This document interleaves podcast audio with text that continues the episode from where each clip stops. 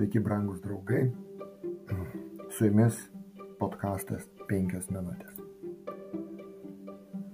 Atsiskyrus Abromui ir Lotui, vėliau Lotui apsigyvenus Sodomoje ir praradus tenai gyvenant tokioj aprašytoj, kai yra aprašyta situacijai, turtus ir tekus bėgti iš jos, praradusią žmoną, atrodė, kad Abromas liko vienintelis viešpatie žinių nešėje žemėje.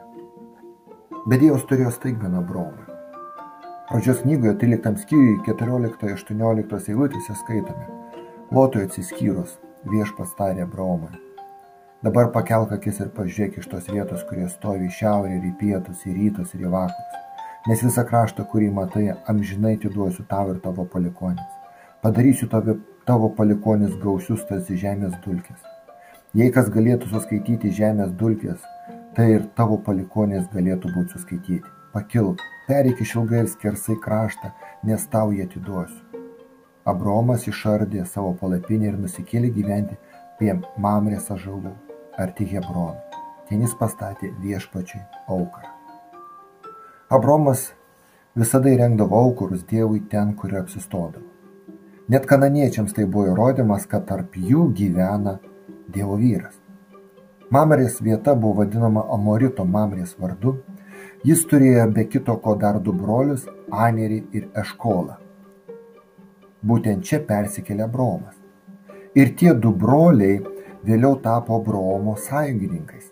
Nepaisant pasaulyje žiūrių religinių skirtumų, šią sąjungą padiktavo aplinkybės.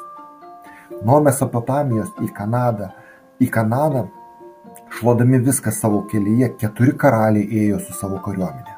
Jie norėjo pamokyti maištaujančius doklės mokėtojus, tokius kaip Sidimų slėnio karalių asmenyje.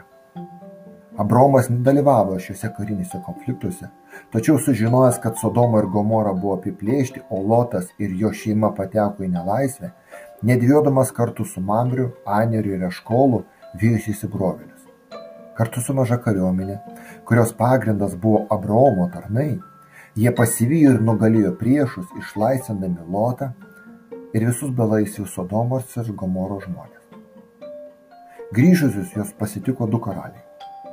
Sodomos karalius Bera, kuris pabėgo mūšio metu ir dabar pradėjo dėrėti su Abraomu dėl jo pavaldinių sugražinimo, ir Salemo karalius Melchisedekas, išnešęs duonos ir vyno, kad sustiprintų grįžtančius iš tikrai sunkaus žygio. Melchisedekas buvo ne tik Salemo karalius, tais laikais tai buvo vadinama Jeruzalė, kuri vėliau tapo Izraelio sostinė, bet buvo ir dvasiškai arčiausiai Abromo iš visų tą dieną buvusių toje vietoje asmenų. Melchisedekas buvo aukščiausiojo Dievo kunigas. Tokioje aplinkoje, kai aplinkui buvo tiek daug blogio ir atsimetimo, šis žmogus, kaip ir Abraomas, nebuvo pagonis, bet garbino dangaus ir žemės kurėją. Melchisedekas palaimino Abraomą, o Abraomas jam davė dešimtdalį visko. Skaitome pradžios 14 skyriui 20 eilutė. Vėliau paštalas Paulius prisimena šį susitikimą, kai aiškina Jėzaus Kristaus kunigystę ir karalystę, kalbėdamas apie Kristų ir sakydamas, tu esi kunigas per amžius Melchizedeko būdu, Hebrajams 7.17. Taigi teisumo karalius apie mūsų viešpaties Jėzaus Kristaus tipų, kaip dangaus karalystės karaliumi ir vyriausiai kunigu, kuris užtari savo žmonės. Biblijoje neminima, kas buvo Melchisedekas. Nepaisant to, galime manyti, kad Melchisedeką galima būtų pavadinti vieni, vienu iš to metu gyvenusių Abraomo protėvių. Pažvelgiai į pradžios 11 skyrių, pamatysime, kad iki to laiko buvo likę gyvi keturi patriarchai - Semas, Arpachšadas, Šelachas ir Eberas. Tačiau Paulius sako, kad Melchisedekas Hebrajams 7 skyriuje 3 eilutėje, be tėvo, be motinos, be kilmės sąrašo, neturintis nei dienų pradžios, nei gyvenimo pabaigos, panašus į Dievo sūnų, jis lieka kunigas per amžius.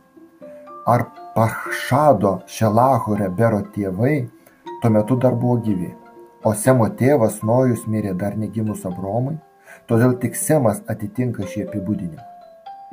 Nojaus sūnus Semas gyveno ilgai Jis gyveno šimtą metų prieš tvaną, matydamas, kaip nedorumas nuvedė žemę į pražūtį ir gyveno 500 metų po tvano ir kai mirė, Izaokui, tam ilgam lauktam Abromo sūnui buvo jau 48 metai.